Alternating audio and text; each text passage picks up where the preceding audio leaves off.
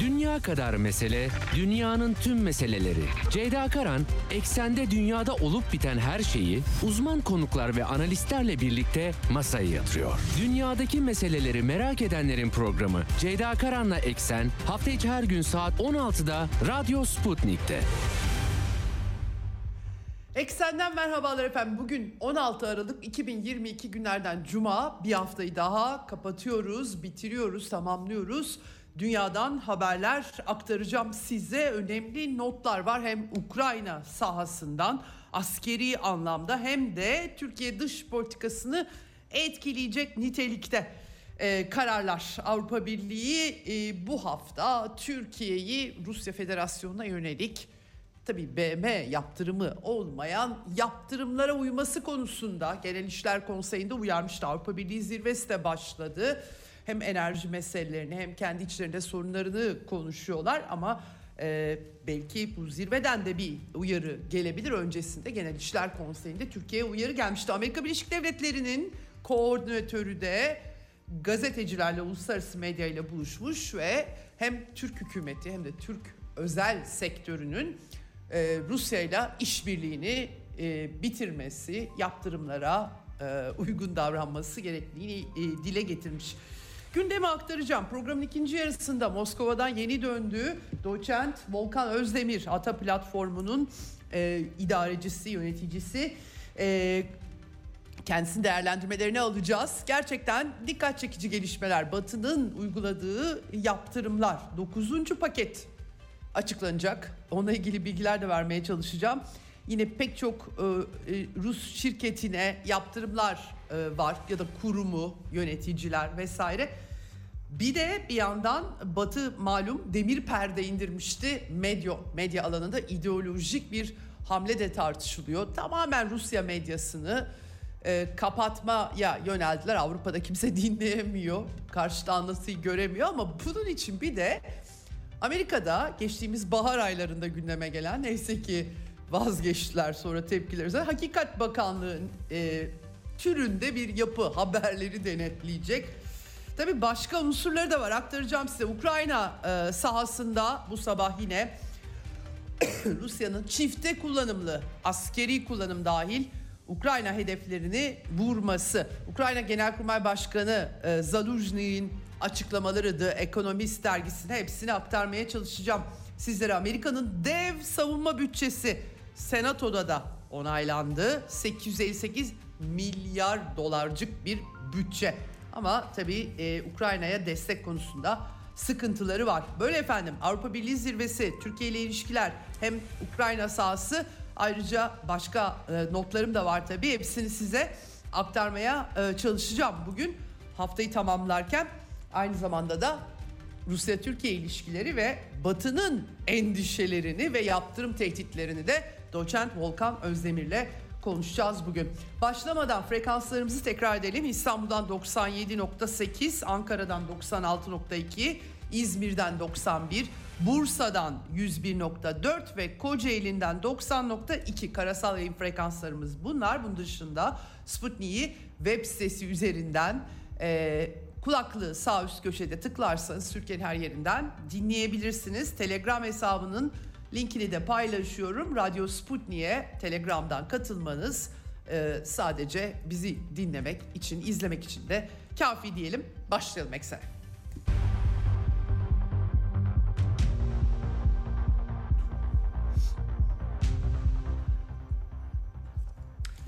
Evet, şimdi Ukrayna sahasından e, başlayalım. E, özellikle Bahmut, Artemovsk bölgesinde çok sert çatışmalar. Sokak sokak, cadde cadde eniliyor. Cephe hattı büyük ölçüde e, yerli yerinde dursa bile artık birazdan aktaracağım Ukrayna Genelkurmay Başkanı'nın kendi ifadesiyle bir karşı saldırı falan yok. Savunma hattını tutma çabaları var.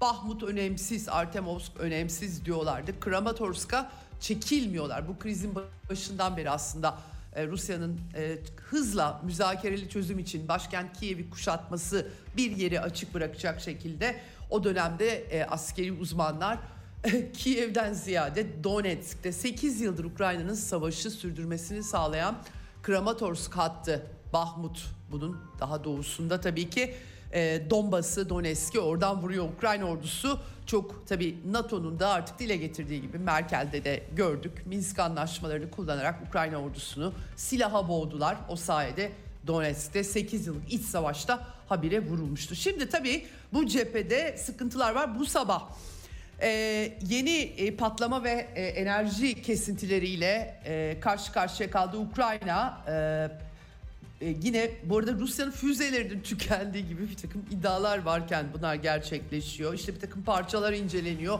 Eski model gibi Batı medyasında haberler yer alıyor. E, ama gelen haberleri söyleyeyim. Kiev, Harkov, Dnipropetrovsk e, Dnipropetrovsk bölgelerinde enerji kesintileri Amerikan askeri kılavuzundaki çifte kullanımlı iletim hatları e, Kiev Belediye Başkanı metro durdu artık sığınak olarak görev e, görüyor diyor. Sosyal medyada var zaten. Harkov'da, Poltovskaya'da, diğer bölgelerde. E, tabii yine tuhaf matematikler yani Ukrayna'dan da e, hakikaten ben aktarıyorum. İşte 40 füze vardı biz e, hepsini vurduk diyorlar ama bir sürü patlama oluyor. Dumanlar yükseliyor nasıl oluyor falan. E, gerçi NASAM sistemleri mesela füzelerden biri vurulmuş yine Kiev'de bir arabanın üstüne düşmüş parçalar düşebiliyor. Donetsk'i Ukrayna e, özellikle Bahmut cephesindeki sıkışıklık ne zaman söz konusu olsa Donetsk'in sivil yerleşimleri hedef alınıyor. Bu sefer 4 numaralı hastane vurulmuş görüntüleri var. Bir de pazar yeri vurulmuş. sivil kayıplar 8 yıldır Donetsk'in aşikar olduğu bir şey. Ee, bir de enteresan dün akşam e, Ukrayna e, Polonya polis teşkilatına bir paket göndermişler fakat patlamış. Polonya'da Ukrayna devletine izahat istemiş devletinden. Varşova'da olmuş bu. E, hatırlarsanız tabii bunu bir e, resmen Amerikalı neokonların geçtiğimiz ay Polonya üzerinden Rusya Polonya'yı sınırda bir köyü vurdu diye provokasyon yapmaya çalışmışlardı. Sonuçta o füzenin Ukrayna füzesi olduğu ortaya çıkmıştı. Şimdi de emniyet teşkilatında da muhtemelen sabotörler mi var diye insan düşünüyor. Polonyalıların da tarihsel olarak Ukrayna ile araları çok iyi değil aslında ama bu savaşta tabii düşmanımın düşmanı şeklinde bir algı var. Efendim e, Odessa'da e, karanlığa böyle, e, boğulan yerlerden birisi olduğu belirtiliyor. Rus yazarların isimlerini değiştirmişler. E, Pushkin'in, Gagarin'in bu arada aynı zamanda sadece yazarlar da değil Lev Tolstoy'un falan ismini taşıyan Odessa gibi bir Rus kentinde Rusların kurduğu bir kentte isimleri değiştirip onun yerine işte ya milliyetçilerin isimlerini veriyorlar ya Avrupa ile ilgili isimler veriyorlar. Kırım yönetimi Sergey Aksenov da e, Zelenski'nin dairesinin kamulaştırılacağını söylemiş. Efendim Newsweek'te var en son. Geçtiğimiz hafta Financial Times başta olmak üzere pek çok yayında da vardı. Bizzat Batı liderliği söylüyor bunu. Artık NATO üyelerinin elinde silah kalmadı Ukrayna'ya gönderecek. Fransa'nın örneğin e, stoklardan yiyorlar ve e, yerini alacak üretim yapılamıyor. Bunları batılı analistler aktarıyorlar. Newsweek'te de Catherine Funk imzalı bir makale yayınlanmış. Ukrayna'nın artık bahar ayları geldiğinde en kritik anda NATO askeri yardımından yoksun kalabileceğini söylemişler. Zaten NATO askeri yardım olmasa herhangi bir biçimde ayakta kalma olasılıkları yok. Ee, ama Zelenski'nin çağrıları yanısız kalabilir. Çünkü ek silah yardımı konusunda artık kendi cephanelikleri gidiyor. O yüzden durum parlak değil. Son olarak da Newsweek buna yer vermiş. Şimdi e, Zelenski video konferans yoluyla bu AB Liderler Zirvesi dün akşam başlamış durumda. Ona hitap etti ve e, orada e, silah desteği istedi hem de enerji desteği çağrısı e, yaptı. E, her zamanki gibi işte bir silah verin, gelişmiş modern silahlar verin diyor. Bir yandan da doğal gaz ve elektrik almamıza yardım edin. Avrupalıların burada kendilerine doğal gaz ve elektrik ihtiyaçları var. Nasıl olacak tam bilemiyorum ama e, kış döneminde yaklaşık 8 euro'da 50 saat gerek. İletim sistemleri vurulmuş durumda. Gerçekten parlak değil. Dolayısıyla bu bir çare olacak mı tabii? O biraz zor. Ukrayna Genelkurmay Başkanı e, Zaluzny The Economist dergisine söyleşi vermiş. Ee, Ruslar öldürülmeli, sadece öldürülmeli ve bunu yapmaktan korkulmamalı diye sadece acaba Ukrayna'ya gidenleri mi yoksa bütün Rusları yok etmekten de bahsediyor olabilir. Emin olamadım şimdi. Ses kayıtları da var bu arada. Ee, ama asıl tabii Rusya'nın yani bildik bir şey artık maalesef böyle bir ırkçılık e, bütün Avrupa'da da yaygın artık. E, bütün kültür sanat ürünleri eski yazarları falan hedef alıyor. Açık bir ırkçılık ama böyle pop bir biçimde bir ırkçılık gibi sunuluyor. Çok ciddi bir sorun aslında. Efendim daha önemlisi Rusya'nın yoğun bombardımanları nedeniyle kritik eşikteyiz demiş. Ukrayna Genelkurmay Başkanı The Economist dergisine. E, bombardımanlar demiş e, orduyu demoralize edici bir etki oluşturuyor. E, çünkü tüm enerji sistemi devre dışı kalabilir. Yaklaşık yarısı devre dışı diye geliyor. %70'e çıkıyor. Arada tamir ediliyor ama yine tabii dalgalar halinde geliyor.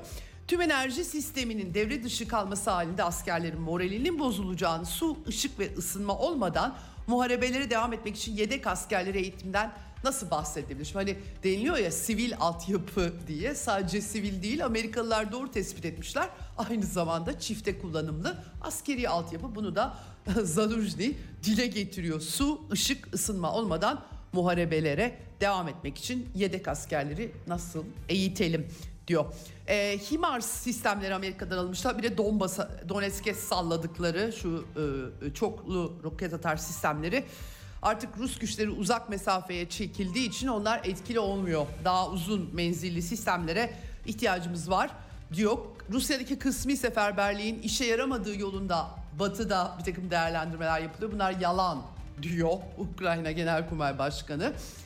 Ee, mücadele edecek bunlar diyor. Biz mevcut mevzilerimizi elimizde tutabilmek ve daha fazla toprak kaybetmemeye çalışıyoruz diyor. Yani dolayısıyla Ukrayna kazanıyor, kazandı anlatısını bizzat Genelkurmay Başkanı The Economist'te yalanlıyor. Gerçekten fantastik bir batı medyası var.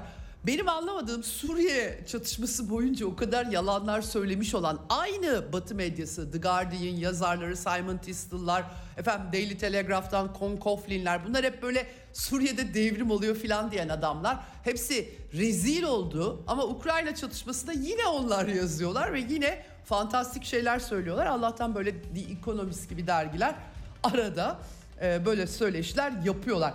Sadece bunları okuyorsanız çünkü yanlış analizler yapabilirsiniz. Evet demiş ki dolayısıyla bizim önceliğimiz mevzilerimizi elimizde tutmak daha fazla toprak kaybetmek. Yani bırakın sal karşı saldırıyı. Ee, çünkü diyor kritik bir an diyor toprağı kurtarmak teslim etmemekten 10-15 kat daha zor diyor. Dayanmaktan bahsediyor ama yetersizlikler var diyor. Daha ne verecek NATO'nun elinde silah kalmadı. Böyle bir söyleşi çok dikkat çekici. E, fısıltılar var. Zelenski'nin ekibindekiler ki neonaziler, azakçılar yani. ve onlara destek verenler e, Zaluzny'yi görevden almak istiyormuş. Hatta yerine Kara Kuvvetleri Komutanı Alexander Siriski'yi getirmek gibi iddialar gördüm. Batı askeri çevrelerinde biraz sıkıntı yaratıyor diyorlar. Bilmiyorum. Ee, böyle durum e, The Economist dergisine söyleşisi Ukrayna e, Genelkurmay Başkanı'nın Almanya Iris'te füzeleri, bomba atar mühimmatları falan teslim etmiş. Aslında elinde çok şey var. Şimdi patriotlar verildi verilmeyecek. Geçen hafta CNN, Associated Press geçti ama daha açıklamadılar. Görmedim yani dün de görmedim. Ee, ama başka sistemler var işte. Herkes elindekileri veriyor. Avrupa neyi var neyi yoksa Ukraynalılara e, veriyor karadan havaya e, sistemler. E, bakalım ne olacak göreceğiz. Patriotlarla ilgili de açık ve net bir biçimde zor sistemler. Ukrayna askerleri eğer daha önceden eğitim almadılarsa onlar değil NATO'ların, NATO'cuların kullanması gerekiyor. Rusya Federasyonu da e, vururuz diyor. Yani tehlikeli bir durum, tehlikeli bir şimdi tabii hakikaten Rusya'nın Ukrayna'da Dank diye kaldı ki Scott Ritter bir sistem Patriot bataryasından bahsediyor. Belki iki olabilir diyorlar. Çok da fazla yani dramatik bir biçimde Zaluzny'nin çizdiği tabloyu değiştirecek bir bir şey yokmuş gibi gözüküyor bu patriotlar. Gidecek, Ukrayna kurtulacak denilebilecek bir durum yok. Ama e, öte yandan da Rusya Federasyonu doğrudan hedef almaktan bahsediyor. Gerçekten tehlikeli. Bakalım patriotlarla ilgili resmi karar açıklanmadı. Sadece Batı medyasına yansıyan haberler var. Bu arada Amerika dev savunma bütçesi 858 milyar dolarcık savunma bütçesi temsilciler meclisinin ardından senatoda da onaylandı. Biden masasına gidecek. Ee, Pentagon'la ilgili bir takım yolsuzluk iddiaları var. 21 trilyon dolar 17 yıldır denetim engelleniyor diye iddia ediyorlar. Bilmiyorum görmemiz lazım. Bir de F-35B savaş uçağının iniş sırasında düşüş görüntüleri sosyal medyada gördüm ben de bunu.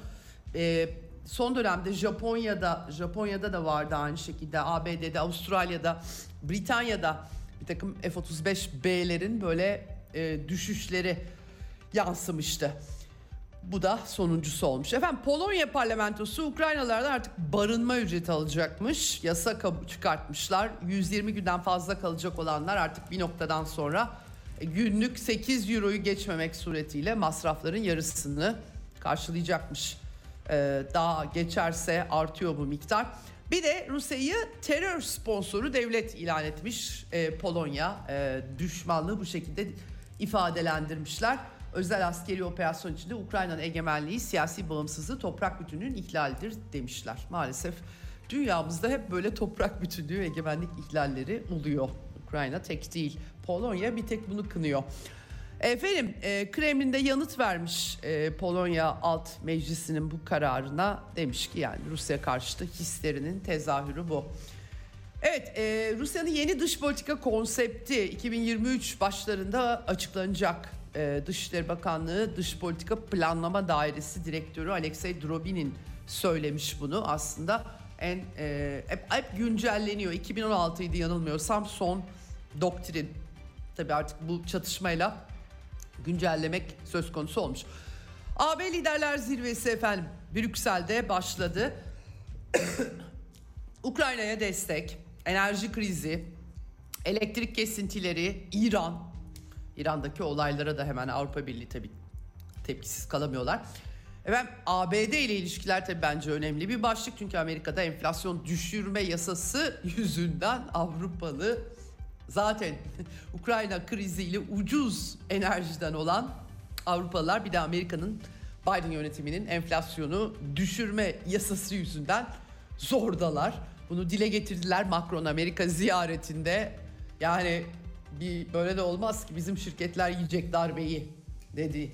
Ama e, belli değil ne olacağı. Michel Avrupa Konseyi Başkanı ABD'nin tabii bu meşru meşru bir tercihidir tabii yapar Amerikalılar kendileri için böyle şeyler ama bizim AB şirketlerine de muafiyetler almak için çalışmamız lazım. Yani ne yapalım biz de zora düşüyoruz demeye getirmiş efendim. 9. yaptırım paketi var Avrupa Birliği'nin bu arada Rusya ile alakalı. 200 kişi ve kurum ile 3 Rus bankası e, çift kullanımlı ürünlere ihracat yasağı, madencilik yatırımları yasağı gibi gibi. Şimdi diyeceksiniz ki bunlar ne işe yaradı? Valla Rusya ekonomisinin zorda olduğuna dair en azından benim e, takip ettik, ettiğim uzmanlarda hiçbir şey işaret yok. Ruble e, değerli, e, üretimde bir sıkıntı. Yani bu bu haberlerin hiçbirisi gelmiyor. Dolayısıyla 9. yaptırım paketi ne olacak? Öncesinde Avrupa Parlamentosu'nda grup başkan yardımcılarından Alman e, e, parlamenterin açıklamaları olmuş. Çünkü tartışılan Andrea Lindholz bu isim. E, efendim e, kendisi diyor ki e, Avrupa'da ekonomik koşullar kötü. Bu yüzden e, haberlere dikkat etmemiz lazım. İnsanlara etkilenebilir.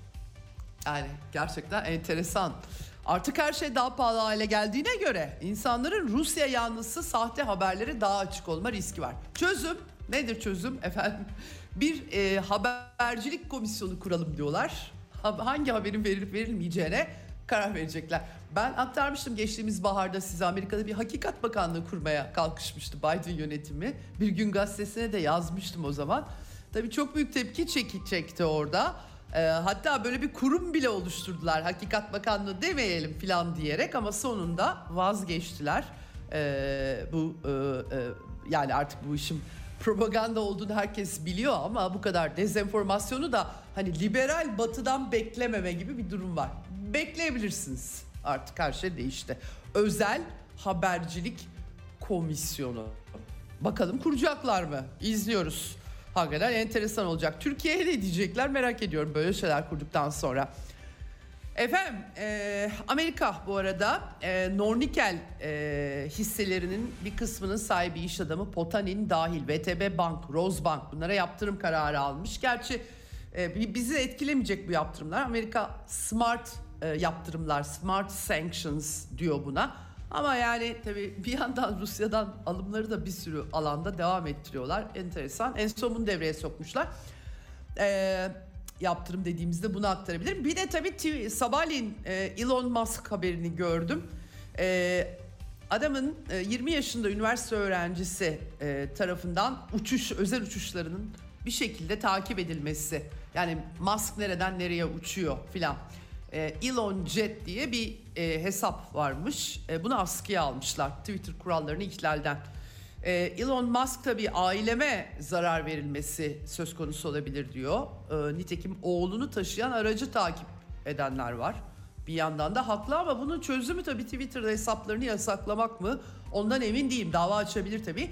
Ha, bu vesileyle CNN, Washington Post, e, New York Times'ın teknoloji muhabirlerinin hesapları bunu haberleştirdikleri için onları kapatmış. Bu e, biliyorsun sansür, karartma çok tehlikeli tersine dönebilir. Bu merak gibi döner. O yüzden açıkçası e, Elon Musk'ın yaptığı uygun değil.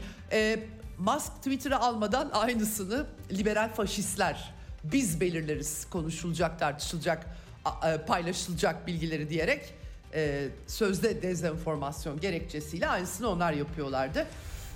Bu tabi dava açabilir hakikaten ailesiyle ilgili özel bir konu e, ama e, Twitter hesaplarını kaldırmak aynı zihniyet gibi geliyor bana.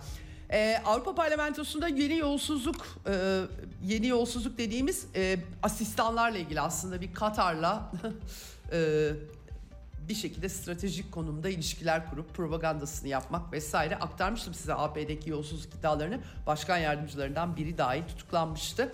Ama onun dışında e, başsavcı, iki vekil, yine bir tanesi Yunan vekil Eva Kaili, ee, aynı zamanda parlamento ödeneklerinin yönetimi ve asistan maaşları ilgili de yolsuzluklar olduğunu söylemiş. Ortalık tamamen karışmış durumda hakikaten yani gerçekten çok acayip Avrupa Parlamentosu'ndaki durum. Bakalım bu soruşturma nereye varacak? Fas'la da bağlantılı sadece Katar'da değil. İtalyan vekiller var işin içerisinde.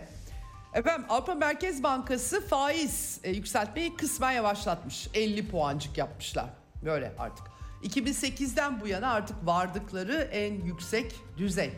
Fed e, %50 e, bas puan artırımına gitmişti. Avrupa Merkez Bankası zaten onları takip ediyor. Onlar da 50 bas puan sınırlı yaptık diyorlar ama devam edecek de diyorlar bu arada. Enflasyonu dizginleme çok dizginlenmiş değil resmi rakamlar işte %10 civarları 9-10 civarları ülkelere göre de değişiyor. Biraz düşmüş gibi ama böyle gidip gitmeyeceğinin garantisi yok. Bu arada ben yabancı arkada Avrupa'da yaşanan dostlarımla konuştuğum zaman aslında tıpkı bizdeki gibi aktarıyorlar. Yani kağıt üzerinde yüzde dokuz olabilir ama daha fazla gibi. Bilmiyorum Türkiye'deki kadar hani böyle yüzde seksen açıklanıp yüzde yüz seksen olma olasılığı e, var mı ama onlar da kağıt üzerindeki enflasyonun evdeki hesabın çarşıyı tutmadığını söylüyorlar.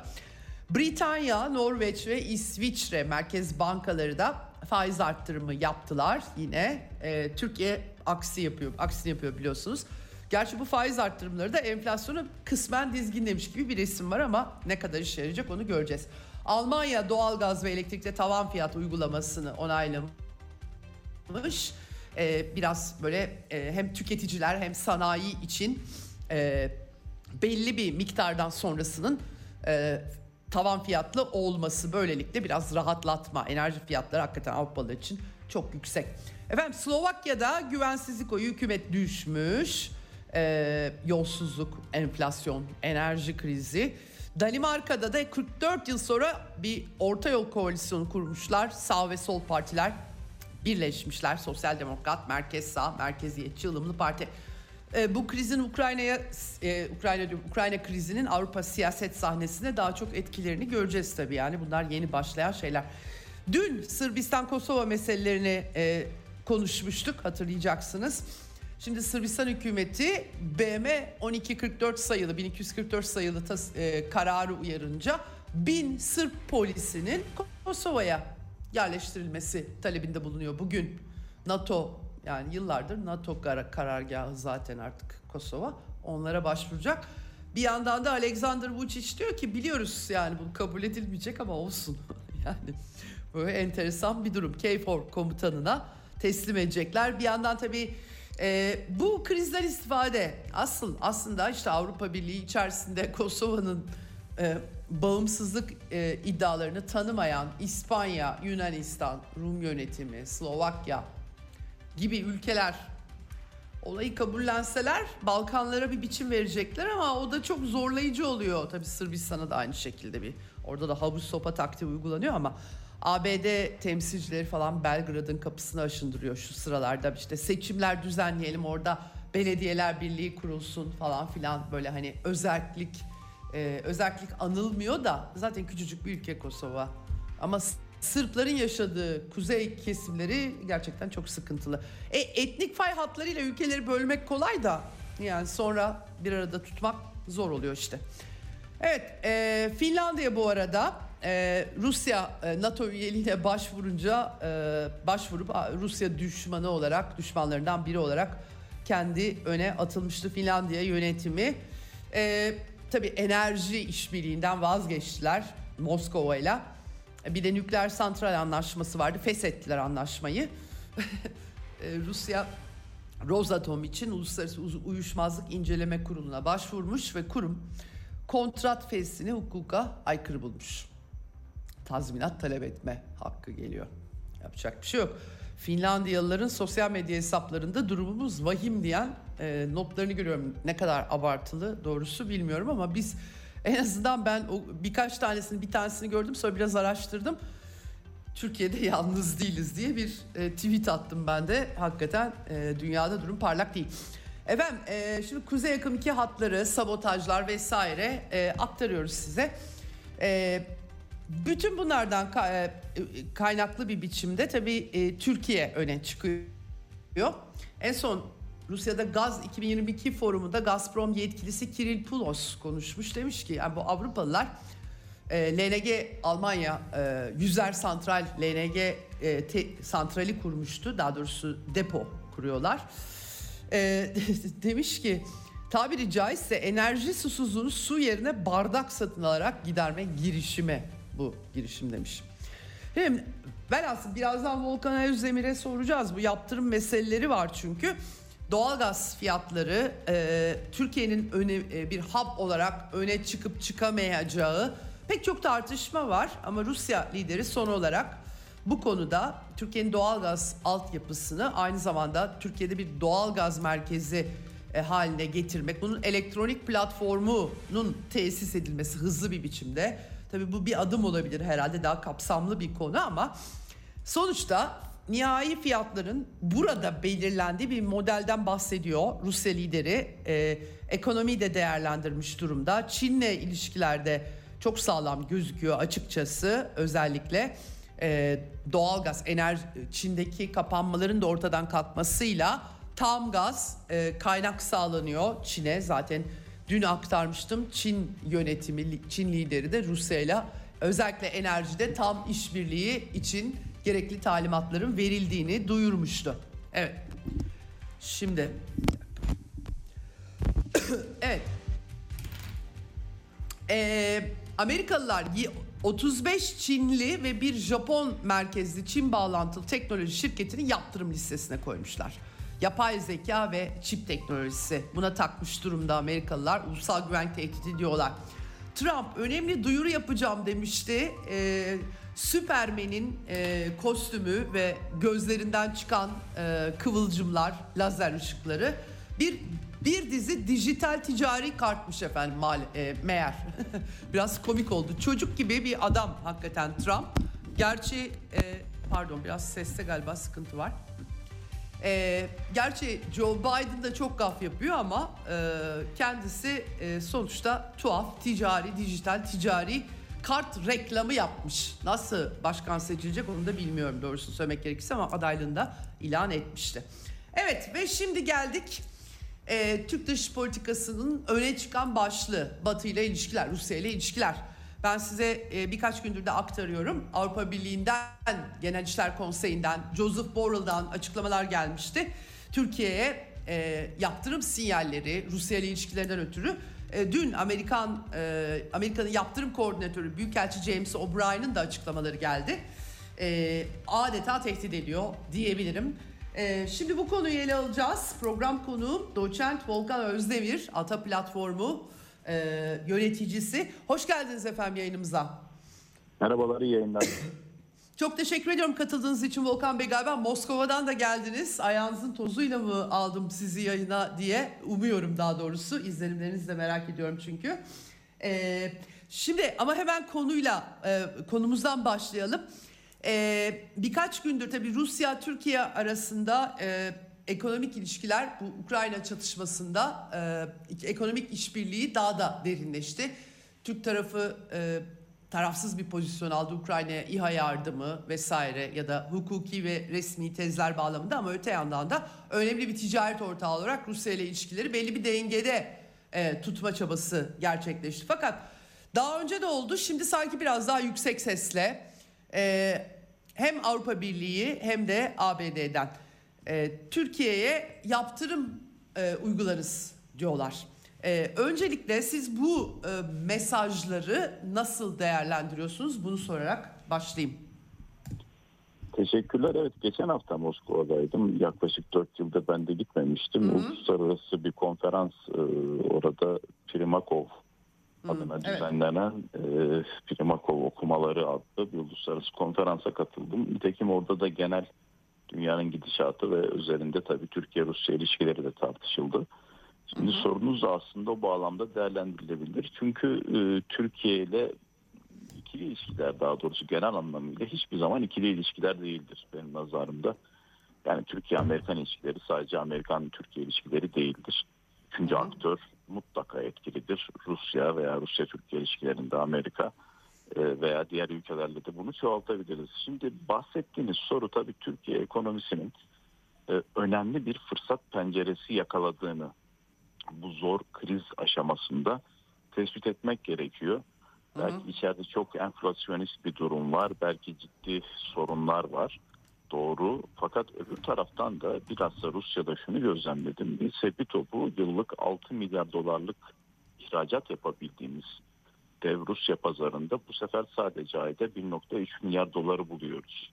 Hı hı. Türk malları, e, Türk ürünleri Rusya Hı hı. pazarında son derece yüksek oranda şu anda temsil ediliyor. İhracat akışı yüksek, karşılıklı yatırımlar, para akışı yüksek. Şimdi bu durum işte sorduğunuz soruyla çok ilintili. Peki bu duruma sebebiyet veren ana unsur ne?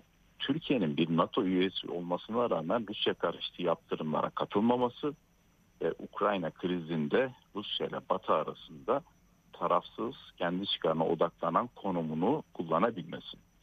Biz bunu tabii e, tahıl koridoru anlaşmalarında bir şekilde gözlemleyebiliyoruz. Biz bunu hem Türkiye-Ukrayna hem Türkiye-Rusya ilişkilerinin e, tüm sorunlara rağmen artarak ilerleyerek devam etmesinde gözlemleyebiliyoruz.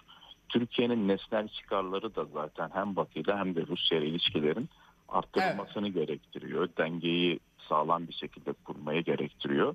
Ama sizin denge diye bahsettiğiniz Rusya ile artan ilişkiler öbür tarafı rahatsız ediyor. Kimi Batı'yı rahatsız ediyor. Ve nitekim e, giderek bu ton artıyor. Türkiye neden yaptırımlara katılmıyor? Türkiye üzerinden Rusya karşıtı yaptırımların tesiri azaltılıyor, deliniyor. Bakın ben bu sürecin hızlanacağını düşünüyorum ve bu sürecin Hı. 2023 yılında Türkiye'de yapılacak seçimlerle de ilintili olabileceğini düşünüyorum. Yani e, Batı Türkiye'yi sıkıştırmaya çalışacaktır.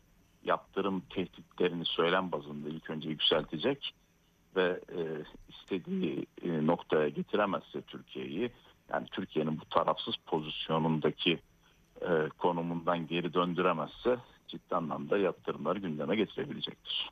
Evet, e, açıklamalarda da bunu görüyoruz. Yani Avrupa Birliği Genel İşler Konseyi'nin metni biraz daha şey gibi böyle hani daha diplomatik üslup, daha yerli yerinde e, gibi gözüken işte üzüntü duyuyoruz da e, ama gümrük birliği, ihlale müsaade edilmeyeceği, işte çift kullanımlı ürünler dahil e, serbest dolaşım hatırlatılıyor. Yani gümrük birliğinden mi vazgeçeriz demeye çalışıyorlar. Böyle bir olasılık var mı e, diye Bakın- soracağım size ama asıl evet buyurun.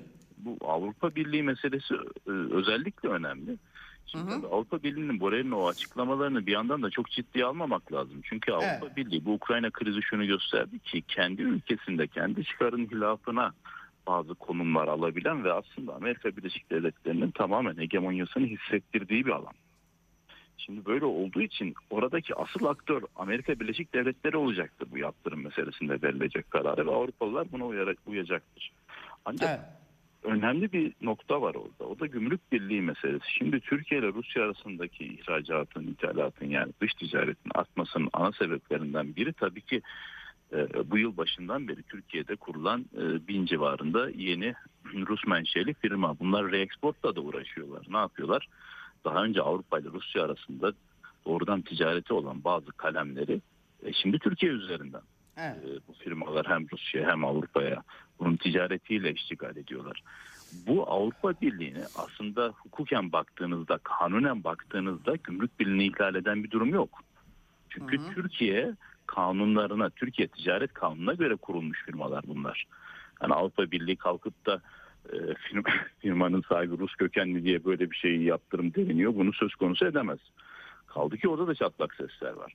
Ama Gümrük Birliği zaten 1995 yılından beri hiçbir zaman üyesi olamayacağınız bir birlikte söz hakkınız olmadığı halde kendi gümrüklerinizi, sanayi ve işlenmiş tarım ürünlerinizi bir şekilde ekonomi yönetiminizin dış ayağını Brüksel'e devrettiğiniz ve bence Türkiye aleyhine işleyen bir anlaşma. Türkiye aleyhine işleyen, Avrupa Birliği'nin lehine işleyen bir anlaşmadan da Avrupa Birliği'nin Türkiye'yi dışlaması, atması bence söz konusu Evet. kısa vadede olmaz. Çünkü zaten kendi lehlerine işliyor. Kaldı Ama ki Türkiye'de de birileri kar ediyor galiba yani çıkar sağlıyor bu şeyden yani. Elbette yani bu benzetme ne kadar doğru olabilir ama e, Türkiye'de de birileri e, bazı sanayi kuruluşları aslında e, Avrupa ile yaptıkları bilhassa yedek parça ticareti üzerinden oraya eklemlenmiş durumdalar.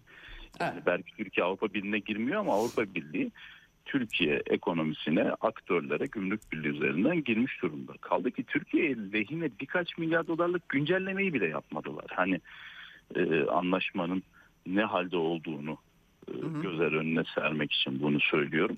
Evet. E, dolayısıyla gümrük birliği üzerinden değil ama ben ABD baskısıyla bu yaptırımdan nasıl Türkiye açısından e, Evet. bir sorun olabileceği kanaatindeyim. Orada da orada da Volkan Bey şimdi bir yandan tabii yok tahıl anlaşması işte Ukrayna'ya İHA desteği falan gibi her zamanki kalıp o haline geldi son aylarda.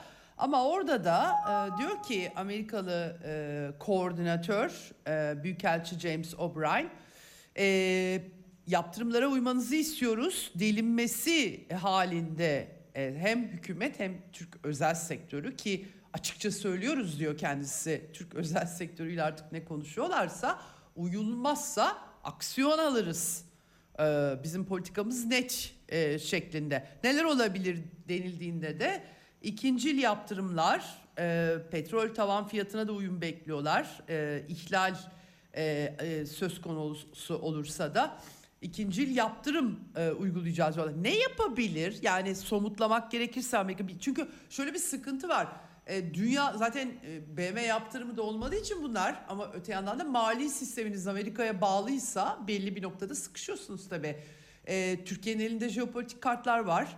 Öyle deniliyor. E, Hindistan, Çin yola gelmedi. Çok açık ne de tavan fiyata da uymuyorlar.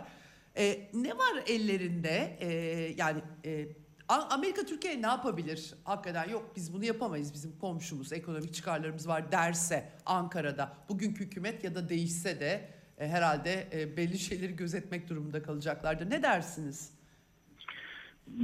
Şöyle değerlendirmek lazım. Şimdi Türkiye'nin Amerika'ya da son yıllarda ihracatı arttı ve 10 milyar dolar Evet. yıllık geçti. Yani ilk akla gelen tabii e, Amerika pazarına ihracat yapan Türk firmalarını hedef alabilirler ikinci yaptırımlar yoluyla. E, ilk akla gelen bu.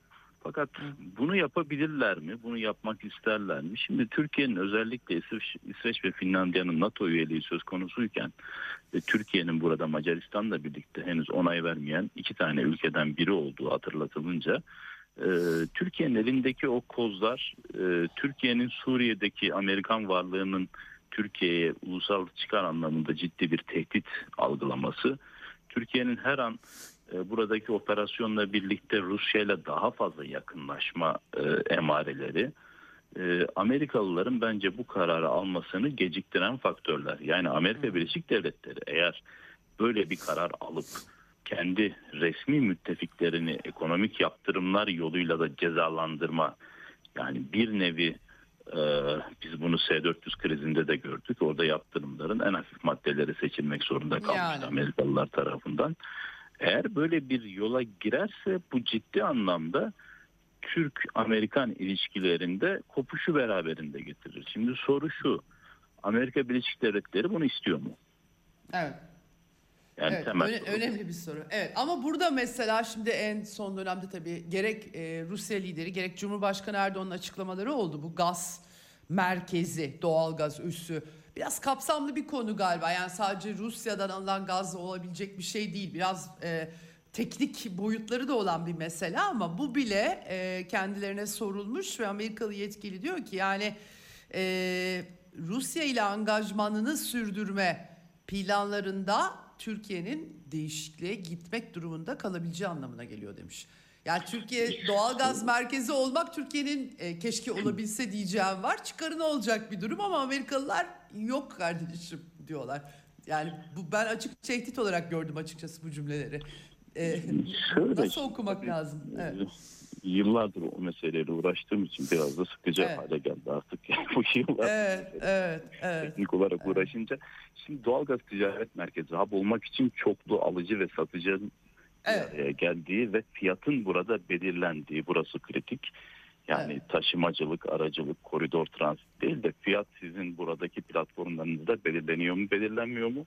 Çok sayıda alıcı ve satıcıyı bir araya getiriyor musunuz? Yani sadece Evet. Rus gazı değil, Azerbaycan işte İran'dan aldığınız gazı, diğer LNG gazını birlikte burada e, paçal bir şekilde ortaklaşa fiyatlaş, fiyatlandırabileceğiniz bir sistem akla geliyor. Şu anda bu söz konusu değil. E, Türkiye açısından ilk defa e, Rusya Devlet Başkanı Putin'in söyleminde de bir değişiklik gördük. Çünkü dedi ki ilk defa Türkiye'de fiyatlanabilir. Ya bu bu bir ilktir fiyatlanma konusunu açması. Da doğalgaz merkezi önerisinin e, işte Amerikalıları rahatsız eden asıl tarafı. E şimdi böyle bir şey olsa ki ben yıllardır bunu söyledim. Türkiye uluslararası enerji projelerinden merkez olmalı ama koridor oldu. Hub olmalı. Türkiye'ye katma değer ekonomisine muazzam olur. Türkiye açısından bulunmaz bir fırsat. Şimdi e, Amerika Birleşik Devletleri'ni de burada endişelendiren böyle bir projenin, önerinin somutlaşabilme ihtimali. Öyle olduğu için söylemlerin biraz daha arttığını düşünüyorum. Ama ondan da çok yani bu işin ciddiyetinden daha fazla bence e, Amerikalılar rahatsız eden e, 2023 seçimleri sonrasında Türkiye'nin Rusya ile daha fazla yakınlaşma ihtimali. Şimdi bu ihtimali göz önünde bulundurarak seçimler öncesinde bir yaptırımı gündeme getirebilirler. Seçimleri etkileyecek bir şekilde. Ama daha demin söylediğim gibi Amerika gerçekten bir kopuş istiyor mu? Evet. Ee, Bunu da bunu da Amerika'da kafaların karışık olduğu, tek bir görüşün olmadığı şeklinde şu anda dışarıdan yorumlayabiliyorum. Evet. Hep beraber biraz Ukrayna'daki süreci de görmek gerekiyor. Ee, herhalde bütün bunları e, ve nasıl evrileceğini anlamak için ama en azından şimdiden böyle mesajları inceden inceden verdiklerini söylemek mümkün. Çok çok teşekkür ediyorum. Başka eklemek istediğiniz e, ya da izlenimlerinizi de aslında sormak isterdim. Birkaç dakikam daha var. İsterseniz Valla ekleyebilirsiniz. izlen, izlenimler evet enteresan. Lütfen. Dediğim gibi Evet. orada mesela çok ilginç. Ben 10 yıl önce 2-3 tane en fazla sadece Türkiye'de e, Moskova'da Türk restoranı e, Evet. gösterebilirdim size. Bu Evet. sefer meşhur Arbat Sokağı'nda onların İstiklal Caddesi. Evet. Sadece orada 6-7 tane saydım. Dönercilerden vesaire. Yani bu çeşitli markalar, firmalar çekilince özellikle sadece ihracat anlamında değil, orada iş kuran Türk firmaları da boşluğu iyi doldurmuş. Yani Türkiye açısından önemli bir fırsat olmuş. Ee, bu Evet. ilişkilerin, bu ilişkiler biliyorsunuz e, uzun vadede politikayı belirleyen aslında ekonomik ilişkilerdir. Ekonomik ilişkilerin bir de COBİ'ler üzerinden tabana yayılması demek Türkiye ile Rusya'nın ciddi anlamda ilk defa yakınlaşması. Ben konferansta genel bir sunum yaptım. Türkiye konusunda oturumda değildim. Ama Türkiye konusunda şu bilgiyi verdim. Burada da söylemek isterim. 2014'te Ukrayna krizi ilk çıktığında da Türkiye yaptırımlara katılmadı. Fakat Evet. şimdiki şimdiki fark şu. Bir, askeri, istihbari ve jeopolitik anlamda daha yakın iki ülke. İkincisi ilk defa Rusya pazarının Rus yetkililer, iş adamları tarafından Türkiye'ye teşvikle açıldığını gördüm. Çok önemli bir bence. Ee, mesela işte Amerikalar rahatsız eden de bu ikinci kısım olsa gerek. Evet. Çok teşekkür ediyorum değerlendirmeler için Volkan Bey. Ben teşekkür ediyorum yayınlar diyorum. Sağ olun. Evet, doçent Volkan Özdemir'le konuştuk. Hem Moskova izlenimlerini aktardı hem de Batı'dan e, özel olarak Avrupa Birliği'nden ve Amerika Birleşik Devletleri'nden Türkiye-Rusya ilişkileri bakımından gelen son mesajları değerlendirdi bizim için. Son olarak dün aktarmıştım Cumhurbaşkanı Erdoğan açıkça Türkiye, Rusya ve Suriye zirvesine giden yolu aşamalandırarak ortaya atmıştı. Açıkça Esad'la görüşme arzusunu Putin kanalıyla ifadelendiren sözlerdi. Buna da Rusya Dışişleri Bakan Yardımcısı Mihail Bogdanov'dan açıklama gelmiş. Erdoğan'ın e, üç lideri buluşturacak bu e, görüşme düzenlemesi düşüncesine olumlu baktıklarını tabii Şam'ın görüşlerini netleştirmek gerektiğini dile getirmiş. Son olarak bu e, bilgiyi de aktarmış olayım efendim. Bu haftalık Eksen'den bu kadar. Pazartesi görüşmek üzere. Hoşçakalın. Ceyda Karan'la Eksen sona erdi.